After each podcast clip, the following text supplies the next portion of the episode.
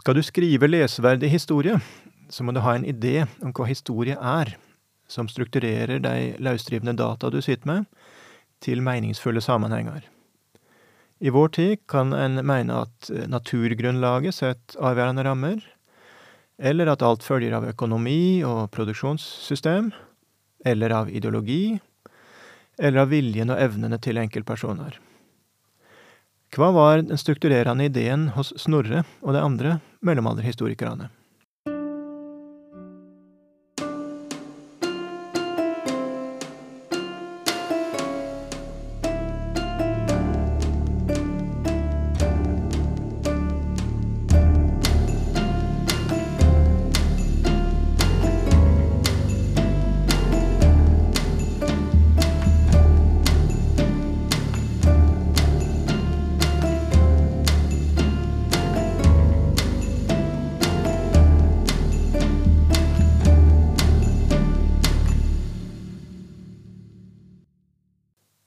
Velkommen til podkasten Tru og meining i gammal tid. Eldar Heide heter jeg, og gjest i dag er Sverre Bagge. Velkommen, Sverre. Takk. Ja, Kan du si litt uh, om deg sjøl, Sverre? Ja, jeg har vært professor i historie i uh, Universitetet i Bergen inntil jeg gikk av med pensjon i 2012. Og jeg har arbeidet en god del med middelalderen og vært særlig opptatt av historieskrivning. Ja. Så også da hvordan eh, historikerne i mellomalderen Ja, hvordan, hvordan historikeren Ikke først og fremst hva som var sant og ikke sant, men hvordan de tenkte. Ja. Ja, ja men da er vi mm, straks inne på dagens eh, Nærmer oss dagens tema. Så vi får kanskje si litt først om, eh, om kongesågene. Da de fleste tenker på Snorre, eh, som skrev Heimskringla. Um, og kongesågene er jo en, av de mest kjente sjangrene innenfor norrøn litteratur. Men, men, det er mange andre sjangrer, og ikke minst er det store mengder kristen litteratur som um, vekker mindre interesse i dag, men, men det skal være obs på at når, når, det er volum, så er det um, ikke de, største, de mest kjente sjangrene som er, som er størst. De mest kjente sjangrene er kanskje de islendingssågene, som forteller om hvordan folk, særlig fra Norge, slo seg ned på Island da i vikingtida, og de første generasjonene der. Um, så har vi Edda-dikta, som forteller om, om førkristne guder og helter. Um, og så har vi kongesågene, som, som handler om herskerne i Norden, særlig Norge, fra segnhistorisk fortid, kanskje helt eh, altså eldste da det er folkevandringstida, veldig uhistorisk da, og fram til 1280, styringstida til, eh, til Magnus Lagabøte. Og den, eh, den, største, mest kjente og ambisiøse er sjølsagt Heimskringla, som uh, skrevet av islendingen Snorre Sturlason rundt uh, 1230. Som uh, Ja, vi kaller jo den boka ofte bare Snorre her i landet. Det syns jo islendingene er litt, uh, litt vittig. Så Men den er jo um, når den er så godt kjent, så er det jo fordi at du er så godt skriven. Altså det er litterært eh, verdifullt. Eh, altså det er gode historier skri, skriver på en engasjerende måte. Så, men, men, det kunne han jo bare oppnå gjennom å bygge på med, eller å bearbeide da, det er mange andre kongesågene som eksisterte eh, på hans tid. Vil du følge meg ut litt kanskje der, eh, Sverre? Ja, nei, det er vel sånn i hovedtrekkene så er det, det er vel det, det, det, som trengs å sies i første omgang. Ja, så kanskje få med at det er eh, veksling da mellom latin og norrønt. De eldste verka på, på latin, historia Norveget 1160 til 12, 1175 kanskje. Um, også da noen tapte verk. Um, og så er det jo Heimskringla slutta vel der som Sverre Sverresoga tek til. At det er uh, ja, det er 1177, ja. ja. Så, eh, så Sverre så, så om Håkon Håkonsson, da, som er etter det som Snorre skrev om, som er mer over på det som vi kaller for samtidssoger, der det nedskrivingstidspunktet er som Det er mye kortere avstand mellom hendingene og nedskrivingene. Så derimot det Snorre skriver om, er jo veldig mye lenge, lenge før hans tid, og det skaper jo visse problem. Um, og da er vi over på det med, med kjelde kjeldeverdien. Vil du si litt om, om det problemet, Sverre? Ja, det er, jo, det er jo et stort problem. Det Inntil begynnelsen av det 20. århundret så mente jo de fleste, de fleste historikerne, ikke alle, at uh, Snorre bygget på en sterk muntlig tradisjon, og at man derfor kunne stole på det meste av det han skrev. Og så kom det da i 19, 1914, var det vel, så kom da Lauritz Weibull med sitt voldsomme angrep på Snorres troverdighet. Ja, Svensk historiker? Svensk, svensk historiker, ja. Og, og ja, sa at det er stort sett diktning alt sammen. Og det skapte voldsom debatt i den følgende tiden. Men man må vel si at Weibull seiret i nokså stor grad, og iallfall at øh, historikere i dag er mye mer skeptisk til Snorres beretning enn en, uh, man var i tiden før Veibullen. Ja. Litt, uh, litt, forskjellige oppfatninger på det punktet, men, men iallfall at uh, selve Snorre som kilde til de faktiske begivenhetene er blitt mye mer problematisk enn før. Ja. Men det som jeg, Veibull, ikke tenkte på, det var jo at Snorre kanskje var kilde til noe annet, nemlig hvordan man så på menneskehet og samfunn og sånt på 1200-tallet. Ja. Så han er egentlig en veldig viktig kilde til sin egen samtid. Ufrivillig kilde fordi til Fordi han, ja. han sier så veldig mye om samfunn og politikk. Og det har vært eh, For å komme til meg selv, så er det noe av det jeg har vært veldig opptatt av og, og har skrevet om. Og, og, og syns egentlig at det er, det er et, veldig, et, veldig, interessant perspektiv på Snorre. Ja, Så på samme måte som alt vi gjør i dag, vil jo for folk i framtida fortelle om vår, vår eh, samtid, vår kultur, vår ja, tankegang. Ja. Sånn som det å sitte her og lage podkast, eksempel, er jo ja, helt sikkert veldig Og så må det jo også sies. For det, mm. altså Snorre, for, for, det første skriver han jo veldig godt.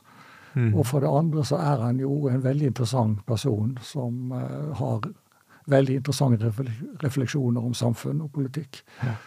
så det er egentlig mye man kan få ut av Snorre. Levde i en veldig dramatisk tid på Island, nærmest borgerkrig, eh, som enda ja. med at den norske kongen tok over. Det var en fri stat der stormennene delte makta. Han er vel faktisk en av de personene fra norrøn middelalder som man vet mest om. For vi har en veldig detaljert saga om Snorre. Ja. Men det pussige er jo at sagaen overhodet ikke nevner at han skrev historie. Nei. Vi har jo til og med bevart badebassenget hans. Ja, det er også. Ja, ja. Reykholt i Borgafjorder på ja. Vest-Island. ja. Så nettopp, nei um, Så dagens holdning er at um, Historikerne mener vel at i norsk historie. Alt før 1100 er usikkert. Kan det stemme?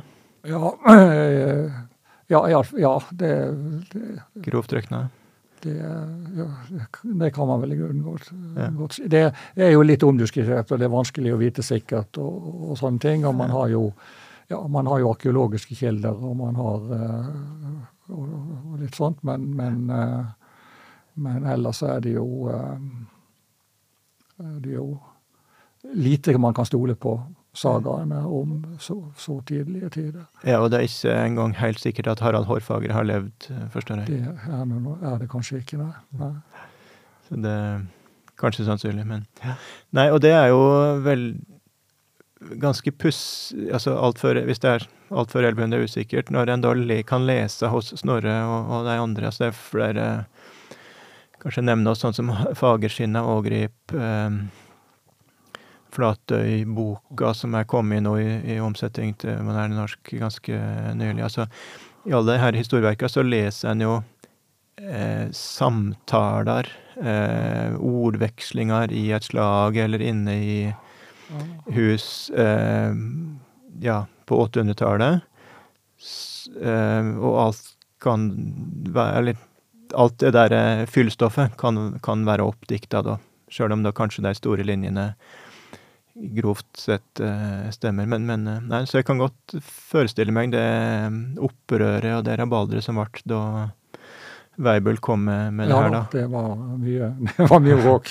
Det var det. For det var jo nett midt i, altså um, Særlig nasjonsbygginga vår her i Norge. Vi altså nettopp ut av union med Sverige, 100 år etter union med Danmark, ut av den. Eh, og vi greip tilbake til vår store fortid og Mm. alt vi kunne være stolte av der, og så kommer det en og sier nei, nei, dette er bare oppdikta. Dette er eh, skrøner. Det faller vel kanskje ikke helt i, i god jord, nei. Men, eh, men det er vel også sånn at en Ja, du har jo mm, ulike typer av kilder fra den tida, da. Vi var innom i en av de første episodene her i podkasten om kildeverdien til Edda-dikta. Samtale med Høyker Sorgersson, og, og, men særlig, særlig, særlig skaldedikta, som han også er inne på der, da, som kan være overleverte munnlig fra Ja. for eksempel den tida Harald Hårfagre kan ha levd på, da, som en eh, er historik, Det er vel kanskje særlig Klaus Krag som er kjent for den, den tilnærminga, og, og holde seg strengt til skaldedikta, de opplysningene en får i, i skaldedikta. Mhm. Så det er vel mulig å si noe sånn rimelig sannsynlig, også om eh, ganske tidlig vikingtid. Ja, så er, det, så er det arkeologien, selvfølgelig. Ja. Og så er det jo øh, Ja, det er vel Det er vel i og for seg sannsynlig, ja, sånn, så, som kongerekken og en del sånn helt nakne fakta og sånt, at, og noen av disse slagene og, og sånn. Det er Mm. vel i og for seg eh, rimelig å tenke seg at, eh, at, no, at de har hatt At det har vært såpass muntlig overlevering at, at noe av dette kan være til å stole på. Men uh, alle utbroderingene og detaljene og hva folk sa til hverandre og, og sånne ting, det er nok eh, noe som sagaforfatterne har laget selv. Mm. ja. Som gode forfattere Ja. bør. Ja. Kan, kan nesten Kan jeg mene, iallfall. Men da var det det her med, med historiesyn.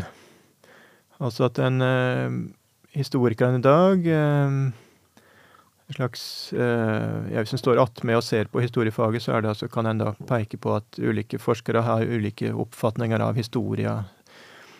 Kan, kan du orientere oss litt der, Sverre? Ja, da tenker vi vel på Altså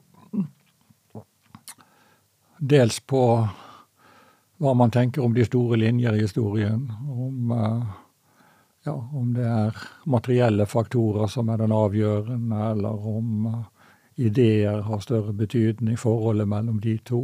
Mm. Uh, om ja, hva betydning nasjonene har, og kontra det overnasjonale. Så det, det er selvfølgelig en rekke uh, slike Mm. ulike meninger man har om historien. Ja. Uh, materialistisk historiesyn, det Ja, hvordan vil du Det, definere ja, det har jo stått sterkt i Norge eh, fra mellomkrigstiden av. Og det var jo to veldig betydelige historikere som representerte det i Norge.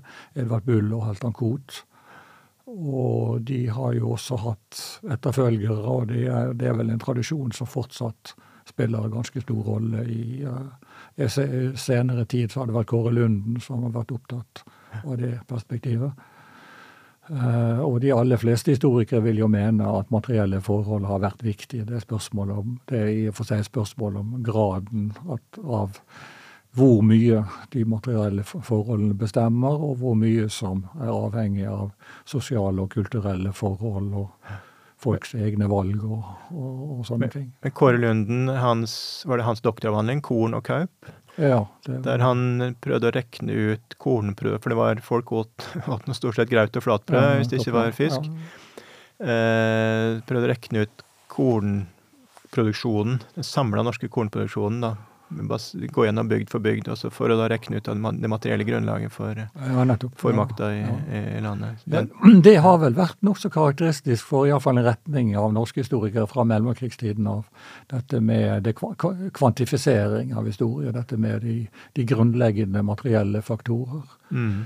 Uh, man har forsøkt å beregne folketall, og man har forsøkt å beregne ja, dette med hvor, hvor mye mat man hadde til rådighet og sånne ting. Uh, og det har vel vært uh, Det har vel gitt en del interessante resultater, men det er selvfølgelig veldig vanskelig. Det er et veldig problematisk kildemateriale, så det er vanskelig å være sikker på. Ja. Mm. Folketallet har man diskutert ganske mye. Der har man jo Eh, man har jo et visst kildegrunnlag i eksistensen av gårdene. Blant annet så har jo kan gårdsnavnene brukes til å noenlunde datere bosetningen, slik at man har en viss oversikt over hvor mange gårder det kan ha vært, og hvor mange, så var gårdene i sin tur litt forskjellig på forskjellige måter i forskjellige deler av landet, delt i bruk. Mm. Eh, det var mer problematisk å beregne, men det har vært, det har vært gjort sånn noenlunde rimelig overslag over det totale antall gårder. Mm. Og da har man jo straks et utgangspunkt for folketallet. Eh, men så må man bare beregne hvor mange som bodde på hver gård. Og så litt om dødelighet og, og fødselstall og alle sånne ting. Ja. Men, men iallfall så har man kommet frem til noen forslag til hvor mange som kan ha bodd. Ja i Norge i, i uh, middelalderen. Men så er det den tilnærminga med kornproduksjon. så her an, Resultatet var vel at den norske staten var grønn grunnen lutfattig. Ja, ja. Så andre peker på senere at nei, nei, nei, det var tørrfisk, tørrfiskeksporten mm. som telte. Ja. Som gjorde at det var en ganske, norske staten var ganske rik. Ja. Det var fantastisk verdifullt. Eh, ja. Så at det ganske kan slå ut litt i, i, i mange retninger, da, avhengig av hva du, hva du ser på. Men det er vel um, Ja, det er vel utgangspunkt Det er marxistisk eh, Marx spiller en viktig rolle i, i utviklinga av det historiesynet? Ja. ja. ja. Uh, det var jo Edvard Bull som introduserte marxismen i Norge. Ja. Uh, og han, han, var professor i Oslo fra ja, omkring 1915, vel. Døde i 19 1930. Eh, og så var det Halvdan Koht, som eh, var eh, Hva skal man si en ikke fullt så marxistisk som Bull. Mm. noe bredere oppfatning, men, men mm. altså en, et iallfall marxistisk grunnsyn. Hun skrev mye og, og hadde stor innflytelse. og, og han levde vel Han ble ganske gammel, døde en gang i 1960-årene og var aktiv helt til slutt. Mm. Så, eh, så, han har, han har betydd mye for um, Og også Ellers var det vel en viss reaksjon mot Koht, men den marxistiske linjen har jo stått ganske sterkt. Mm. Og gjør det til dels fortsatt i, i norsk uh, historisk skrivning. Ja. Så, men at det er noe i det, det ligger vel i dagen. Uh, altså sånn som at uh, Japan i andre verdenskrig kunne ikke slå USA når USA hadde x ganger større folketall og industriproduksjon. Ja, ja. Så, så, eller for den del Tyskland. Ja, ja, det, det, det, Bare å se på ressursene i folketall, naturressurser, industriproduksjon, så kunne ikke vinne. Så det men, men da er det vel mer um, ja, grader, da, hva en legger størst vekt på. Men hva kan vi stille opp sånne motsette da, av materialistisk um, historiesyn?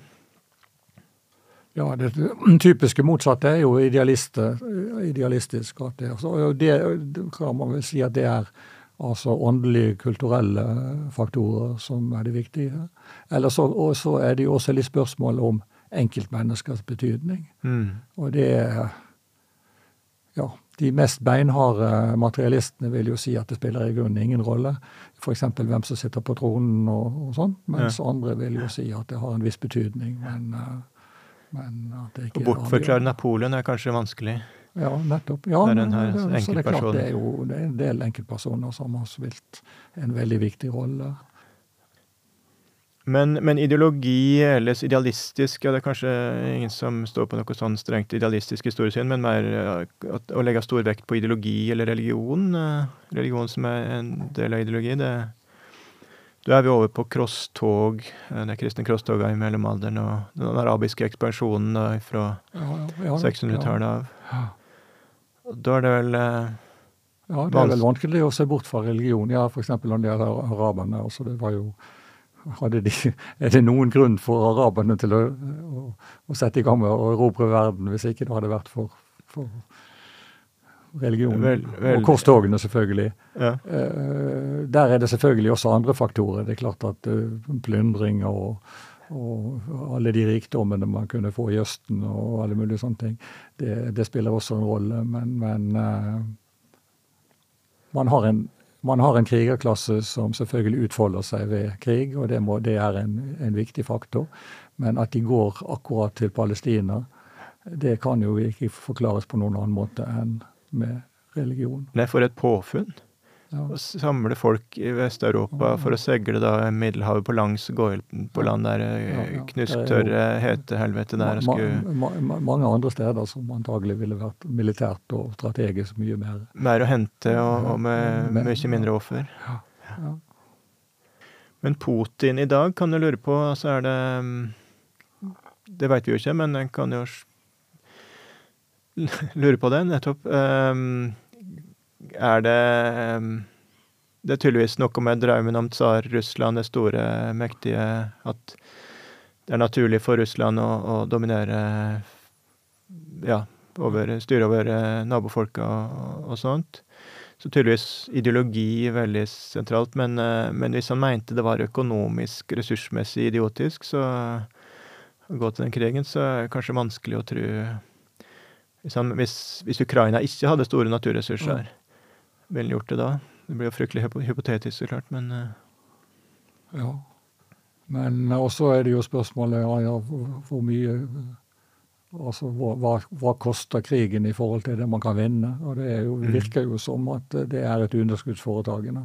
Og selv om de vinner krigen, så er det vel uh, ikke så Så, så, så, så, der uh, Der er det vel sånne stormaktsdrømmer og mm gjenreise det gamle imperiet og, og, sånne ting er vel en nokså viktig faktor. Han har vel neppe satt og sittet og regnet på hvor, hvor, uh, hvor mye han ville oppnå økonomisk, mm. og hvor mye det ville koste, og forholdet mellom utgift og gevinst. Jeg vil jo tro at det er veld, veldig mye um, den uh, ja, stormaktsdrømmen som, som som spiller inn. Ja, ja og da det med, En kan jo lett tenke seg at det med mm, ressursene i Ukraina er et steg på veien til Altså komme et steg lenger, slik at en i neste omgang kan ta enda mer ja. for å at det Tsar-Russland eller, eller Sovjetunionen eller hva Ja, altså det er vel, det er vel det er godt mulig at det er en større plan om å gjenreise det gamle det gamle Sovjet, Sovjetimperiet. Men, men det, det jeg mener at da kan jo eh, det ressursmessige materiellet ja. da være underordna det ideologiske. Ja, ja. Det, det, ja. Men så har vi sånt som lineært og syklisk syn på historia. Altså lineært at, eh, at historia fører fram til et sluttpunkt, nemlig i kristen kultur dommedag. Um, som da Ja, det er sluttpunktet i historien. Hva tror du Hvor sto, hvor sto Snorre der, tror du? Ja, altså han, han, må jo ha vært eh, troende eh, kristen, antagelig. Men han gjør vel ikke noe særlig ut av dette med dommedag. Nei da, han skriver ikke om det i det hele tatt. Eh, men derimot så har vi jo andre som gjør det. Otto Freising f.eks. skriver jo en stor, en stor verdenshistorie som ender med dommedag. Som fører gjennom hele og, vis, og da, dommedag den er da i hans egen samtid. Den, den, den vil snart skje. Ja. Så, så det er en uh, tysk historiker i samtida til Snorre? På 1100-tallet. 1100-tallet, ok. Og Snorre, Heimskringla? En av de virkelig store i europeisk historisk. Ja. Snorre Heimskringla rundt 1230, får vi legge til. Ja, ja.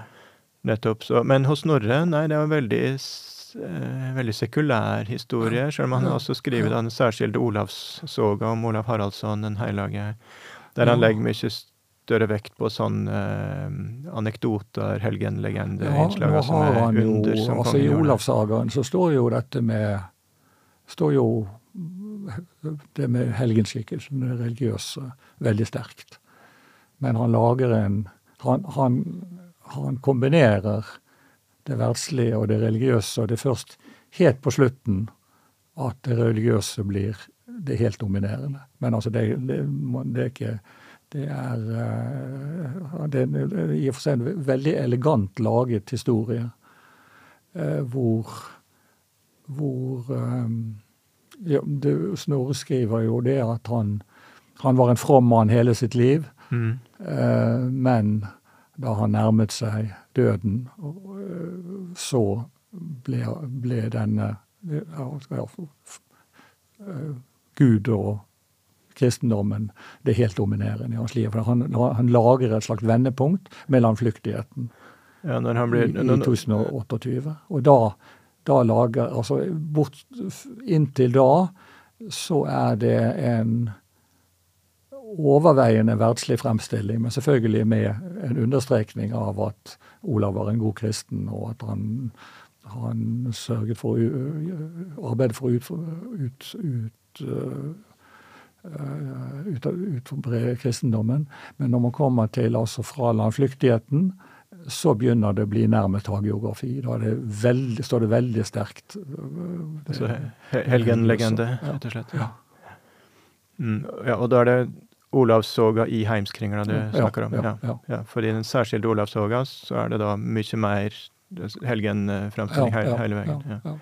Men den er det få av lytterne våre som har lest i, antakelig.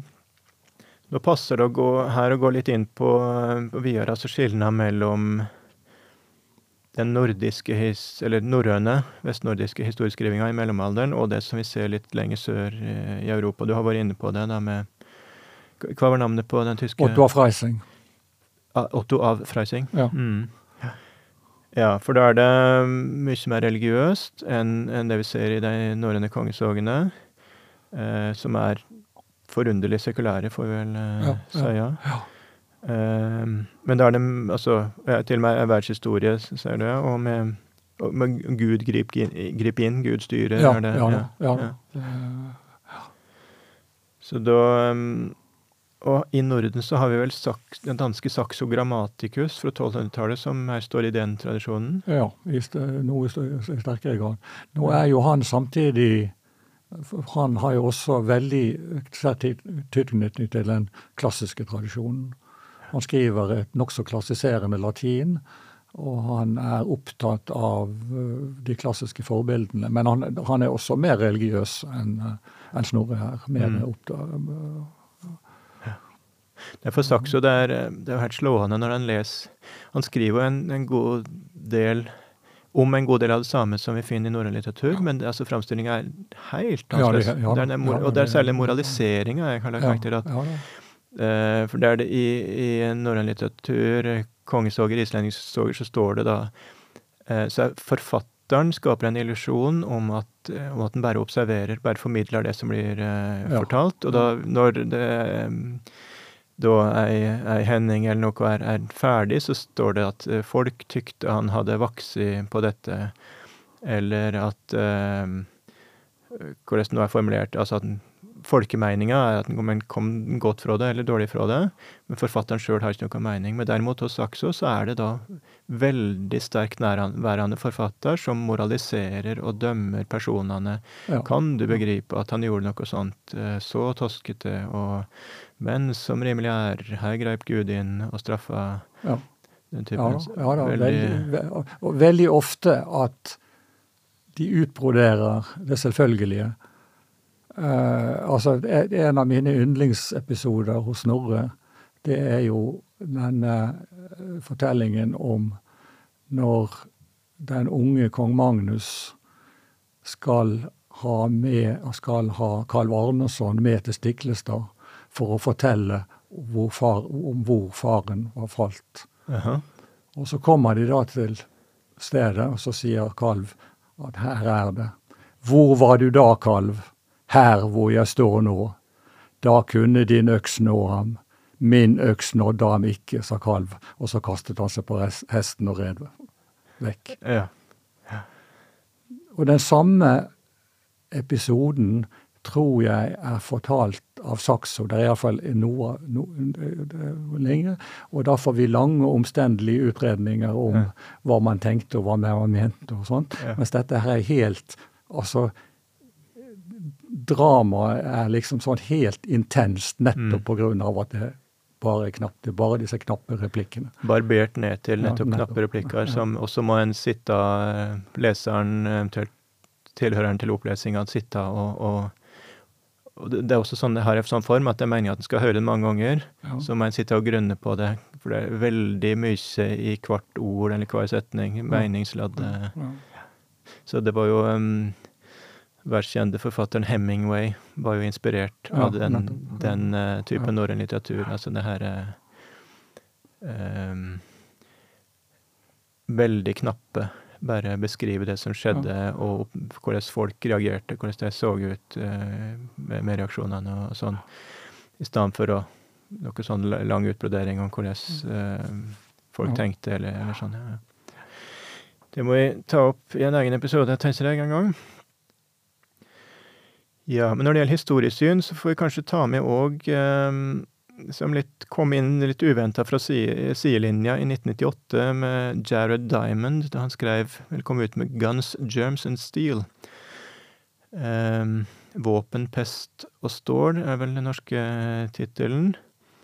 Der han peker på altså de At det er underliggende rammer for hendingene i verdenshistorie. Han motsier ikke det som historikerne har drevet med, bare peker på at det ligger under det her, så er det helt uh, avgjørende føringer. Det er sånn som at uh, han spør, Grønningen spør hvorfor var det spanjoler som kom til Inkariket og la det under seg på 1500-tallet? Hvorfor var det ikke inkaer som kom til Europa eller Eurasia og la under seg storrika som en hadde her? Så peker han på uh, sånne faktorer som at Eurasia er det største kontinentet flest eh, det, største idébassenget. Mest folk, eh, flest ideer her. Dessuten er Eurasia orientert øst-vest, slik at um, innenfor samme klimasone så kan folk og budskap vandre um, og fram. Og både ideer da, og kulturplanter som en begynner å dyrke, eller dyr som en domestiserer. Uh, og så skjer det mest um, utvikling uh, i Eurasia av den grunn. Derimot Amerika orientert nord-sør, uh, med en veldig trang passasje på midten av Panama med, med tropisk ugjennomtrengelig regnskog, slik at uh, poteten som de kom i gang med å dyrke i Andesfjellene, nådde aldri Mexico. Og maisen som de begynte å dyrke i Mexico, nådde aldri Andesfjellene. Og dermed heller ikke så mange ideer og, og sånt uh, att og fram. Eller han peker på utvandringa fra um, Filippinene, den polynesiske kulturen, da, fra uh, Hva er det, da? En uh, Jeg husker ikke hvor tidlig, men iallfall um, utover i Stillehavet så, så utvikler det seg totalt ulike kulturer. Du får på noen øy, små øyer langt sør, kalde, med kaldt klima.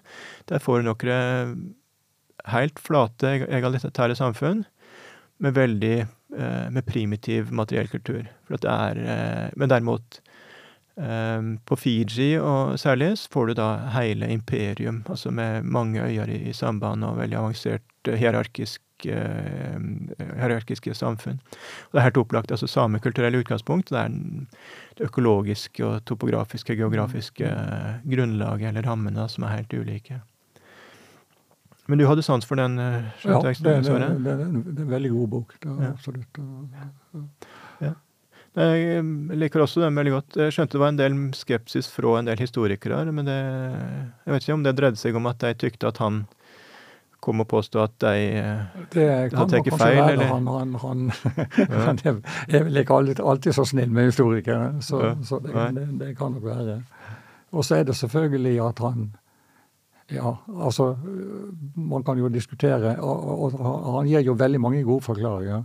Men uh, hvor langt uh, dette rekker, og om, uh, om, om, det om ja, disse tingene forklarer alt. Men, men mm. det er klart at det er at Og historikere har jo vanligvis ikke De har jo gjerne vært opptatt med sitt lille felt og sitt, sitt eget land, eller nokså begrenset, og liksom det der å se. Og så har de vel heller ikke vært så veldig opptatt av dette med det Eh, økologi og materielle grunnlag og sånn. Og de mm. vet vel ikke så veldig mye om planter og dyr og mange sånne ting. Det, det, ja, nei.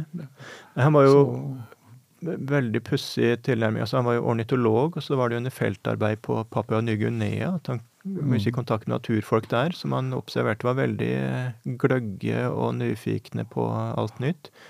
Men det var jo en steinalderkultur helt fram til kontakten med, med vestlig sivilisasjon tidlig på 1900-tallet. Så, så, så, vel sånn jeg forsto det, at det var det som eh, fikk i gang hans mm. tanker i den retninga. Og Så er det jo da neste omgang når med ja, Hvorfor var det ikke kineserne som kom til Inkariket? For mm. de var jo helt i teten på 1700-tallet. Så peker han på at nei, konkurransen i Europa, opp, Europa er så oppdelt med Ja, det er en viktig faktor. Ja, absolutt. Ja. Så, sånn delt Alpene, Pyreneene vendt mot Middelhavet, mm. Atlanterhavet, Nordsjøen, Østersjøen, øy, svære øyer, britiske øyene, skandinaviske halvøya. Så at Napoleon Nei, Napoleon, sier Columbus. Da han uh, prøvde å få finansiering til sin ekspedisjon vestover, så fikk han jo nei. Hadde han vært i Kina, så ville det vært én keiser å gå til, for Kina var samla fordi at det er helt flatt med to svære elver som du kan seile på, samla 1000 før Kristus. Mm. sånn at da var det eh, Han ville fått nei hos den ene keiseren og ferdig med det, men i Europa så kunne han gå da til neste til neste til neste konge, og, og til slutt så.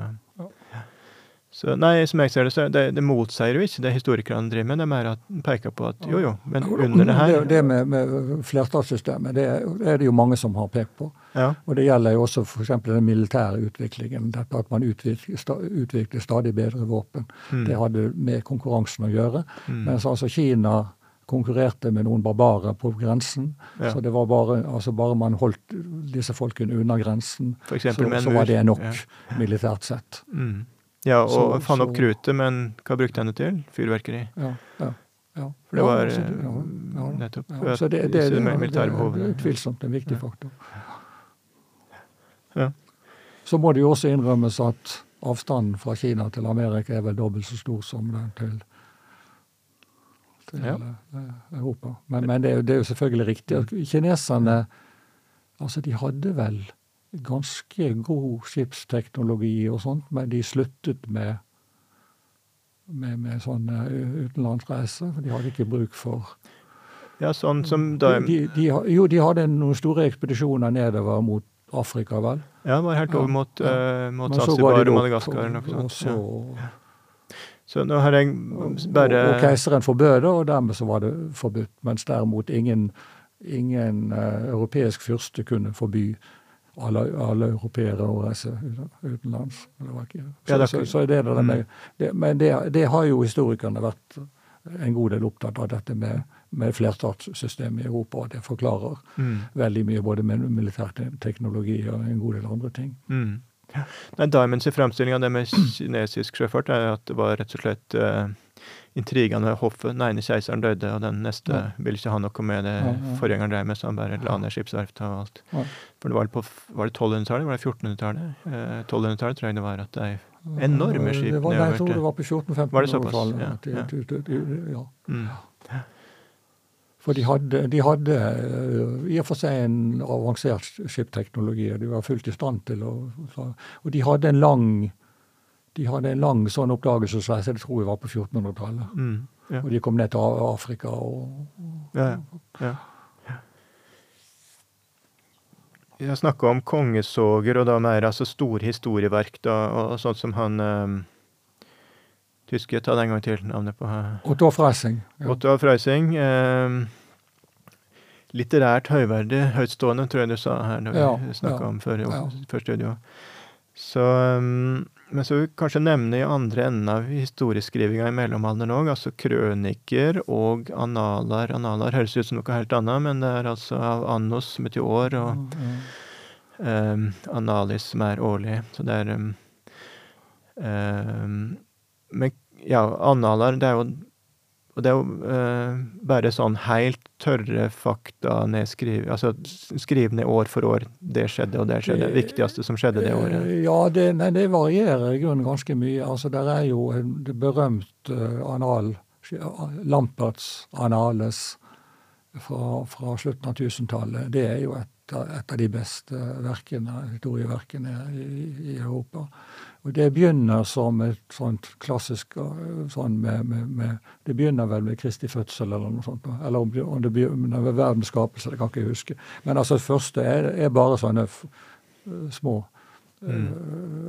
øh, Ja, notater om at i det året skjedde det, og det skjedde det. Men så begynner han å nærme seg sin egen samtid. Så blir det en vanlig historiefremstilling. Ja, okay. og, og, noe av det beste som er skrevet i, i latinsk historieskrivning. Mm. Pluss at han jo er sagt, ble sagt at han, han skriver bedre latin enn noen annen middelaldersk ja. historiker. Men Det er jo kanskje også sånn man, man snakker foraktelig om sånn munkelatin og sånt, men altså mm -hmm. en del av disse folkene var jo virkelig gode språklig også. Ja. Ja. Og, skrev, og skrev ja, litterær prosa som, som, som, virkelig er, svært lese, leseverdig. Men det er egentlig... Og, og Lampert er jo også som historiker, han, han går jo, forsøker jo å gå ba Han er sterkt partisk og sannsynligvis nokså upålitelig som kilde, men han er jo en glimrende uh, historiefremstiller. Uh -huh. og, og, lager en dramatisk skildring av denne konflikten mellom uh, Henrik 4. og, og opprøret mot han, og opprørene ja. mot han. Og, men det strenge analformatet er vel det her, sånn som jeg kjenner det fra de islandske analene. Ja fra, fra mellomalderen. Altså sånn eh, skriv ned litt for ja, hvert år. sånn, og, og, kanskje av og til så fører man det år for år. At man bare ja. ramser opp begivenhetene. Det, det, kan være samtidig. sånn at man... Og krønike er vel en slags mellomting? At det er eh, ganske mager kronologisk eh, framstilling? Ja, ja det, for det har jo også med, det har jo også med tid Det kommer jo gresk kronos, som betyr tid. Ja.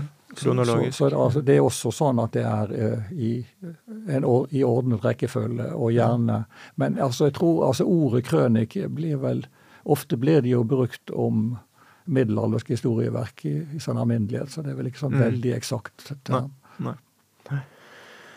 Men, uh, men, det var det her som uh, som jeg sa i innledninga, altså at en må ha en, en, noe slags idé om hva historie er, for å skrive eh, interessant, leseverdig historie. Og da har jeg lyst til å stikke Ja, svinge innom eh, det som Kåre Lunden, som vi snakka om, eh, skrev på 90-tallet. Det kan ha vært flere artikler, men iallfall én som jeg las, Høgstad, som, eh, som heter 'Verdiløse 'Verdilause lærebøker', med bindestrek i 'verdilause'. Der han eh, Han var jo en stribar eh, kar. Glad i, i, i, litt frisk debatt, og, og sto på sitt, gjerne. Men, eh, men, der hadde han sett på en del lærebøker fra ja, folkeskolen på, på, på den tida, 1990-tallet. Og så tykte han at det var veldig lite lite sammenheng og lite å bli klok på. Det var mer litt sånn eh, bare ei røys med, med data så, mm. med, uten noe særlig indre sammenheng. Og så stilte han det her i kontrast til eh, Nordahl Rolfsens lesebok, legendariske, som eh, kom ut i åtte millioner eksemplar mellom 1890-tallet og, og 1950-tallet. Og der eh, hadde på skolen også. Ja, nettopp. Ja. Um, og der er det, sier han, mye Når han ser på det, det er ikke Iallfall det, det avsnittet han legger fram, må en jo gi han rett i. At mye klårere og mer interessant framstilling av historien hos Nordahl Rolfsen. Og hvorfor det, spør eh, Kåre Lunden.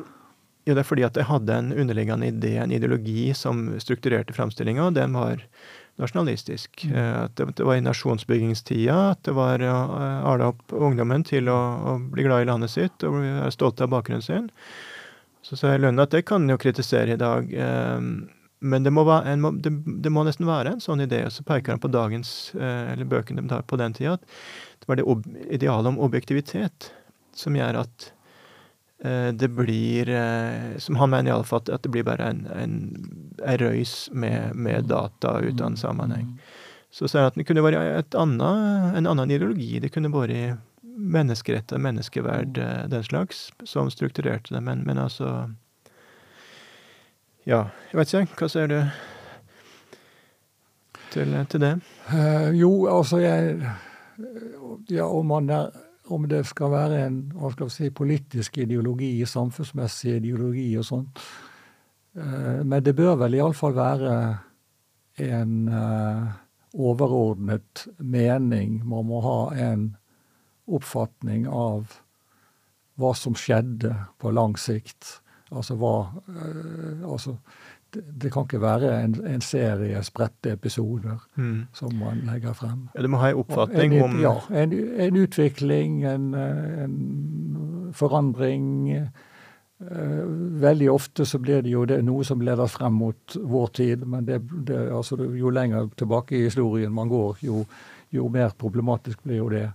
Men, men uh, at man at man liksom må skrive historie med en tanke om at eh, ja, det skal ha et la oss si politisk eller religiøst eller noe sånt formål. Mm. At det skal bevise at hvem, hvem, som hadde rett og hvem som tok feil og sånt, det syns jeg nok er mer betenkelig. Mm. Så det kan altså Nei, det er jo bare å gå til Russland i dag og se på den historieskrivinga der. Ja, altså, det er jo, ja, ja, vi vil ikke ha det. Det vil nok ikke Lunden heller.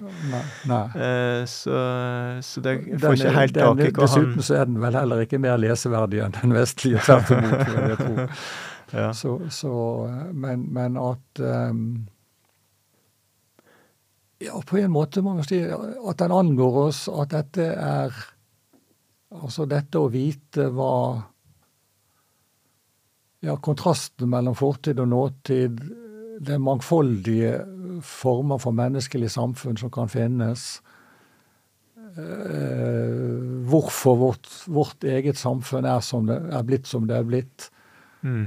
Altså så, La oss si overordnede spørsmål, overordnede sammenhenger. Noe sånt må det være. Ja. Men, men, akkurat at det behøver vel og, og, så kan man vel kanskje si at når man har en sånn underliggende grunnoppfatning, så er det lettere å gjøre noe sånt mm. enn hvis man betrakter det hele på avstand. Jeg må jo ja, for, for, mitt eget vedkommende si at det har vel ikke akkurat vært sånn at når jeg skriver historie, at jeg skal overbevise folk om hva som er rett og sant, og hva som er godt og sånt noe. Men jeg vil jo Nei. samtidig jeg vil jo mene at jeg er i stand til å, å iallfall uh, altså, at, at, at, jeg, at jeg føler at det betyr noe. At det mm. er uh, uh, ja, for du har skrevet ja. flere, flere, lærebøker og oversiktsverk ja, ja, om historiske perioder som blir mye lesende og, det, og brukte, og det må innebære at du har fått til eh, framstillinga. Ja, jeg, jeg, jeg eh, håper jo det. Også, ja, at, at, uh... men, eh, men, det er kanskje sånn at for å skrive lesverdig, så må en ha ha en oppfatning av hva det som driver historia. At det er visse krefter, visse prinsipp ja, eh, som, som ja. får ting til å skje. Eh, og da mm, og Det er pussig, det som Lunden peker på, men kanskje er det bare at han var ureal i utvalget av, av avsnitt. Altså at um, For det, det, som han peker på, er at det mangler sammenheng. At det bare ja. Så skjedde det, og så skjedde det. Jaha, men ja vel. Ja, um, ja altså det, det, er jo utilfredsstillende å bare ha forskjellige begivenheter etter hverandre. Ja. Ja, at at de, men at, det, at man må, må, må si noe om hva ja, dypere følger av det, forandringer og, og Ja. For, for meg også dette med Hva skal man si Mangfoldet, kontrasten, annerledesheten. Altså hvordan uh, At det, det på sett og vis Det er viktig å vite at alle de ideene som vi tar for gitt, at de har ikke vært selvfølgelig alltid. Altså, Mm. Ja, eksempel dette at, at folk er like. Ikke sant? Vi, altså, vi tror jo ikke virkelig på at folk er like, for det, men, men vi, vi er jo klart klar over at, at eh, Ja. eh, Men, men iallfall at det er en idé om like rettigheter og rettferdighet for alle, og at Mm. eh, de, de rike skal ikke undertrykke de fattige, og de sterke skal ikke eh, undertrykke de svake og sånn. Mm. Mens eh, for ikke så forferdelig lenge siden så var det akkurat like selvfølgelig at noen var bedre enn andre, ja, at og at det var godt og riktig og Guds vilje at noen skulle være fattige og andre skulle være rike. visse fødte til å styre og, ja, um, ja, ja. ja. Ja, er det. Men da tenkte jeg vi skulle flytte oss over på um, eh, Snorres i framstilling, og da tenkte jeg å bruke som inngang em, noe som Preben Møylengrakt Sørensen peker på i sin doktoravhandling som heter 'Fortelling og ære'. Mhm. Fortelling med æ, han skriver på dansk. Dansk norrøn filolog. Dess, dessverre døde i 2000, uh, altfor um, for ung. Um, fortelling og ære er etter mitt syn det beste som er skrevet om islendingsåger ennå i dag. Og kanskje med ganske god, god klaring. Så det er det fantastiske overblikket over stoffet, og den analytiske eh, evna. Det er så sortert og, og, og fint og, og. Veldig, veldig bra. Så, men um, der peker han på Det er episoden eh, som Eller hva som fører til slaget ved Svolder i årtusen. Der det er altså um, danskekongen, svenskekongen, og eh, med norske Eirik Jarl. eh, Den ene parten, og så er det da mot eh, Olav Tryggvason med den norske leidangsflåten, uklart hvor stor del av han som, eh, som var med, men, men eh, hva, hva er det som fører fram til det her eh, eh, slaget? Det er jo et av de mest kjente. eh, ja, i, i, ja, da, ja da. For da kunne det med et materialistisk historiesyn ha sagt at jo, jo, nei, det var kamp om naturressurser, og det var eh, eh, Ja, vet, ja hva, ville du sagt der, Sverre? Ville det gå an å forklare det materialistisk, eh, med et materialistisk historiesyn? Det, hvis du skal Ja, prøve altså å det tenke litt jo høyt si her. eh, Ja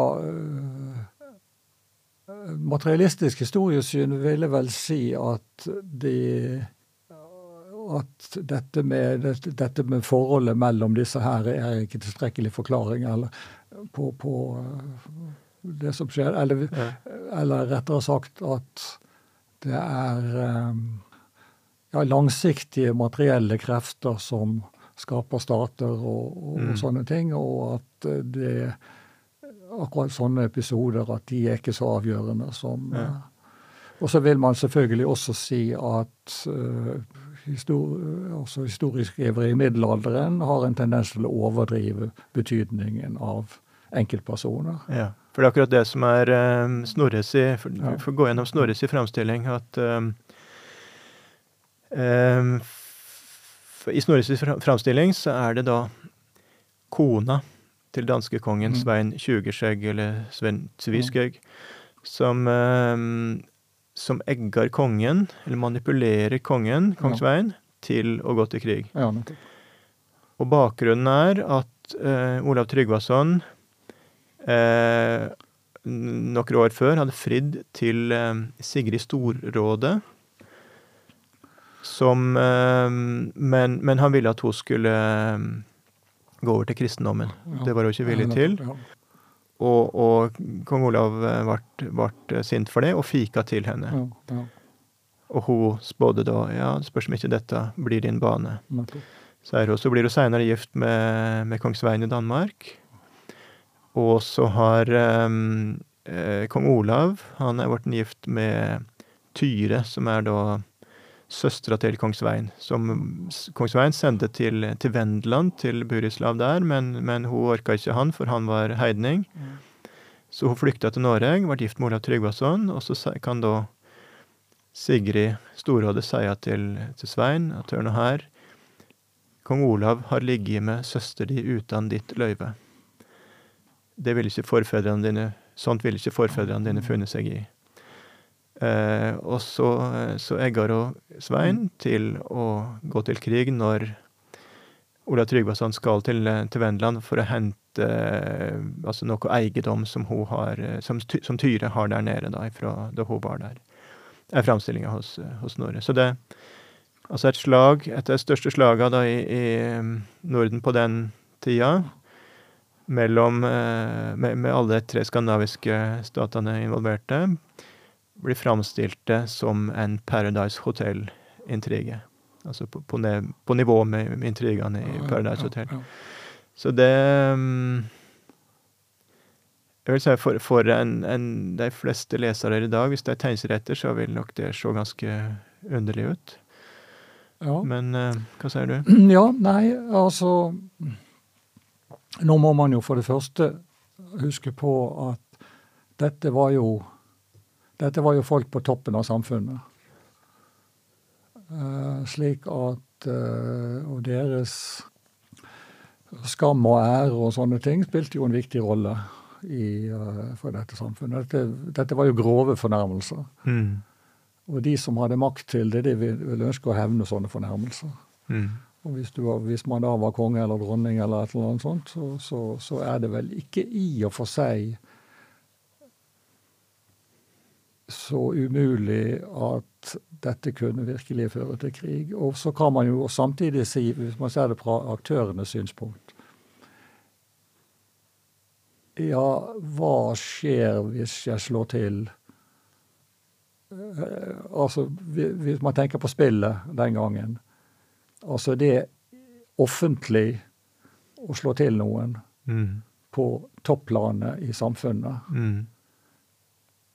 Det er vel sånn bortimot en krigserklæring. Ja. Så, så, uh, så istedenfor å si at ja, men dette det er jo bare, bare tull at folk kan begynne krig for sånne ting, Mm. så kan du også si at ja, hva er spillereglene? Mm. hva, hva Men altså, på den annen side så kan du si det er jo ingenting i veien for at dette kan være diktet opp av Snorre eller en mm. annen forfatter, og at det er en stor tilbøyelighet til å, til å, å dra, overdramatisere og sånn på den måten. Så Mm. om det er sant eller ikke, det vil jeg ikke ha noen mening om. Men, men jeg, tror, jeg tror man skal være mye mer oppmerksom på hva, hva sånne ting betyr for den tiden. sammen. Nå, nå kan du vel også si at hvis en ja, vi kunne vi forestille oss det, altså en toppolitiker fra et land slo til en annen på den måten offentlig, og det ble kom på fjernsyn og sånn, Ja. så ville det vel ikke vært så ja, så helt uproblematisk Det ville fra et politisk politisk Det synspunkt. ville skapt store problem, men ville det ene landet Nei, gått til krig mot det andre? sannsynligvis ikke ende i krig. Men, men, men uh, Nei, det, men, men det er vanskelig å tenke seg, fordi det er jo helt utenkelig at det skjedde i dag. Ja, ja, nettopp. Ja. Det er nettopp at det, det henger sammen, at eh, begge deler er utenkelige. Biden hadde slått til Putin. Og, Ja. ja. Ja, Nei, det ville eller- vel eh, eller fik- altså Det ville vel kanskje ikke direkte ført for krig, men det, altså, Ja. det ville jo blitt et forferdelig sjokk. ja. Det, det, Ja. Nei, der er vi over på Altså, det er utenkelig at det ville kunne skjedd i dag, men ja, helt til eh, Donald Trump kom, på, kom inn på, på scenen, og da Han er vel den eneste som kunne gjort noe sånt på det nivået, som eh, ut, Som det går an å tenke seg. ja, ja, Kunne, kunne gjort noe ja, sånt. Ja. ja. Men, men så du mener at den Snorres framstilling av opptakten til, eller årsaka til slaget ved Svolder, ehm, er mindre urealistisk enn eh, dagens lesere kan, ja, kan tro? Ja. Så for all del, det kan være helt oppdikta, ser du, men, men det går fint an å tenke seg at Ja. Sånn at historia Altså det, det personlige og det politiske hang, hang mye nærere sammen den gangen. Men altså, du, du, du, hvis, du nå, hvis du tenker deg en sånn episode i moderne politikk, så ville det jo altså, Om det hadde vært ført til krig mellom Russland og USA Men det, det, det ville jo vært Det ville jo fått konsekvenser. Det, Konsekvenser, ja. ja. Nei da, det det Skal hjelpe seg nesten ergerlig at det ikke skjer, så vi får se hva som Ja, bare, ville, ville ført til. Ja. Ja, hvis Trump blir president igjen, så slår han, så slår han kanskje til Putin. ja. Men han er jo Ja, ja. Nei, nei, han Men han har jo sans for Putin, har jo sans for de andre Ja, ja, nei, tøffe karene. Tvert imot, han vil slå Ja. en, til en eller annen vestlig politiker. Ja, nettopp. Nettopp. Men altså det med Kan du si litt mer om det med det personlige og det politiske, hva som var annerledes i det, i det samfunnet? Ja ehm, Jo, altså, man hadde vel Jo, man hadde jo en idé om embete og person, at, at altså Man ble en annen ved å ha et embete og sånn. Men, men det er klart at man uh, Iallfall sånn som i sagaene, at man uh, Det personlige var mye mer uh, fremtid. Man hadde ikke i samme grad et skille mellom embetet og personen som vi har i dag. Meritokratiet som vi har som ideal i dag, at du skal ja. Og eh, at man, man som leder er representant for et eller annet. Det, altså det er det jo heller ikke. Altså en, man arvet gjerne en politisk stilling, og Ja. ja, så skulle man styre over dette her. Men å liksom si at jeg er bare en folkets tjener eller sånt, det var ikke liksom Jeg er valgt til den makten her, og jeg blir skifta ut om, om fire år når tida er ja. ut. Ja. Nei, for maktposisjonen er ikke i arv. det- Normalt ja. så var jo makten livsfarlig, og den var arvelig.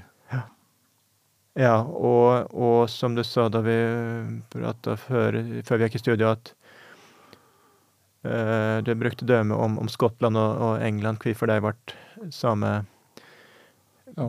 Ja, samme mm, Kom under samme konge, da. Ja, ja. At det var ikke fordi at England med makt la under seg Skottland, men har de mange ganger forsøkt, og aldri Ja. klart det. Ja. Men det var altså Ja, det ble at den, den skotske kongen ble arv, arv, ble, var, var nærmeste arving til den engelske kronen Ja. da dronning Elisabeth døde uten barn. ja. Så det ble en konge... Jeg vet ikke om det er noe ord, kongeunion, men altså at eh, Ja.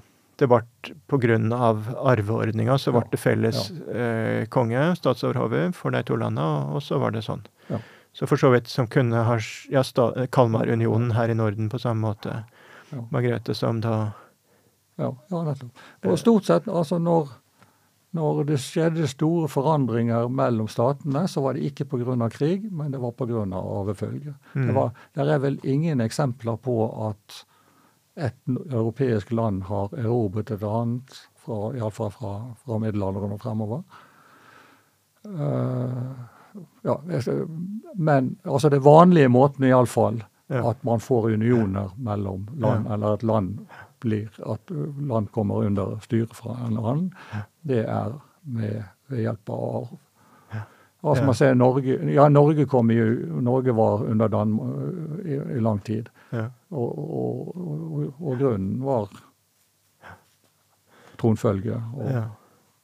Nettopp. Nei, det er jo helt Ja, til viss grad valg også. Det, men, men, men Så at de ulike styringsprinsippene får så store følgere, det er ganske Jeg har ikke tenkt over det, at, eh, men, men nettopp at med, med dagens system så kunne det aldri skjedd. ja. At eh, Altså, eh, Charles Tilly med, med krigens, altså krigen og, og krig og statsdannelse, når dere sier at ja, der var noen hundre stater i Europa på, ja, i tidlig middelalder, og man kommer frem til, til, til eh, ja, på slutten på 1800-tallet så var det bare jeg vet ikke, 5 eller, 5, 15 eller 16, eller jeg kan ikke huske akkurat eh, mm, nø- mm, nøyaktig tall. Nå er det jo det, men så så er det jo det at det meste av den utviklingen den skjedde jo på slutten av 1700- og 1800-tallet. Mm. Uh, og i frem til da så var når, når to stater ble forenet, så skyldtes det arv og ekteskap og ikke erobring. Ja, Ja, er og og i, under den mest under den mest altså, Og det- var stadige kriger. Og under de, de, mest, de mest intense krigsperiodene så var det fremdeles noen hundre ministater i Tyskland Ja. som aldri ble erobret av noen. Ja, ja nettopp. Så det mm, det, det å erobre stater, ja, det er vanskeligere enn en skulle tro, og det er vel Blant altså, når du får, ja, Norge, og, skjønt. Norge og Danmark ja, Utgangspunktet er hele tiden at, at noen arver at de, dynastiske forbindelser. Og dynastiske forbindelser blir det jo nødvendigvis fordi at kongen kan bare gifte seg med andre kongelige. Ja. følgelig så må de hente sine ektefeller i utlandet, og følgelig så kan det da lett skje at, at Ja. det blir en union. Nettopp. Og da blir ja, politikken, også storpolitikken, blir da veldig personlig, og dermed så um, er det da ikke så urealistisk at det, det som driver historia, som driver framstillinga i, i Heimskringla og de andre kongesågene, at det likner så veldig på eh, det som en ser i eh. Ja. Der er det altså feidene mellom storbøndene på Island som, som, eh, som det handler om. Mm. Og når det kommer til heimskringla, så er det egentlig akkurat det samme, bare da et nivå opp. Der Ja, det er stater ja, ja. mot hverandre, i stedet for at det er storgarder mot, Ja, det er jo for en stor del indre stridigheter i Norge Heimskringla handler om også. Eh, Ja da, ja da. Men, men iallfall det her personlige, at det er um, mellom eh, mellom, eh, mellom enkeltpersoner, mellom personer. Det er personlige intriger eh, som Men altså, ja, det er ikke så urealistisk som en, en moderne leser kan, kan tenke seg. Nei, det, det er interessant. Og, men i dag Det er kanskje ikke så Jeg var inne på Trump, men det er kanskje ikke så saklig og nøkternt og faktabasert i dagens storpolitikk heller, som vi liker å, å tro. Det er jo det her um, uttrykk Jeg vet jeg ikke hvem som sa det, men at stater har ikke venner, bare interesser. Mm. Altså at det er det det Så at ut fra det synet så skulle det ikke få noe å si om, om en da Om Biden slår til Putin uh, på et møte, for det, det er interessene til statene som ville være det eneste som telte. Og personene fullstendig underordna skulle jo være konsekvensen av eh, av det synet. Men, eh, men eh, jeg husker jeg hørte et intervju for ikke så mange år siden med en person som en, en jeg husker ikke mann, kvinne, men nordmann iallfall, som hadde vært med på noen slags internasjonale forhandlinger på toppnivå, og tenkt seg at det der kom til å være veldig saklig og faktabasert, og så, og så viser det seg nei, nei, nei, dette er jo veldig likt, eller helt forunderlig likt det som en husker fra ungdomsskolen. Med, med de her eh, barnslige mekanismene, med, med hvem som har eh, får den mest framtredende plassen, og hvem som eh, altså, Hvor man skal sitte. Ja, massevis av den slags mekanismer, da, og, og kjemi mellom personene, og, og så nettopp ikke det her med, med bare interessene til de ulike landene og, og personene helt underordna. Så ehm, Ja, nei, det ville vært interessant å se mer av ehm, Være til stades ved noen sånne møter. Det tror jeg kunne vært, Ja. vært interessant. Nei, det er jo synd at man ikke har Altså disse her, er sånn som både Kot og Bull, var jo politikere samtidig som de var historikere. Stemmer. Og det er, det er nok i og for seg et poeng. Jeg har jo aldri vært aktiv i noen politikk, og på en måte kan jeg jo si det. For jeg, jeg tror, tror på sett og vis at jeg ville ha lært en del av det. Ja, om prosessene, hva som Ja, ja, eh, ja. Historie er jo Det er jo historie om det som de valgene folk har gjort, kan jeg kanskje si. Det som har fått folk i ulike situasjoner til å velge slik eller sånn i stedet for Mm. alternativet. Ja, jeg tror det er på tide å runde av, Sverre. Så um, er det noe du vil føye til? Nei, jeg tror ikke det. Nei? Skal vi være glad for at det ikke er mer dramatisk på eh, internasjonale toppmøter enn Det, enn det er? Det tror jeg vi skal være glad for. Ja. Vi slipper å se hva det kunne ført til ut ifra Mm. Ja. persondynamikken. Ja ja. Nei, men uh, takk for praten, Sverre. Takk i like måte. Du har nå hørt en podkast fra Høgskolen på Vestlandet. For å høre flere podkaster, besøk hvl.no slash podkast.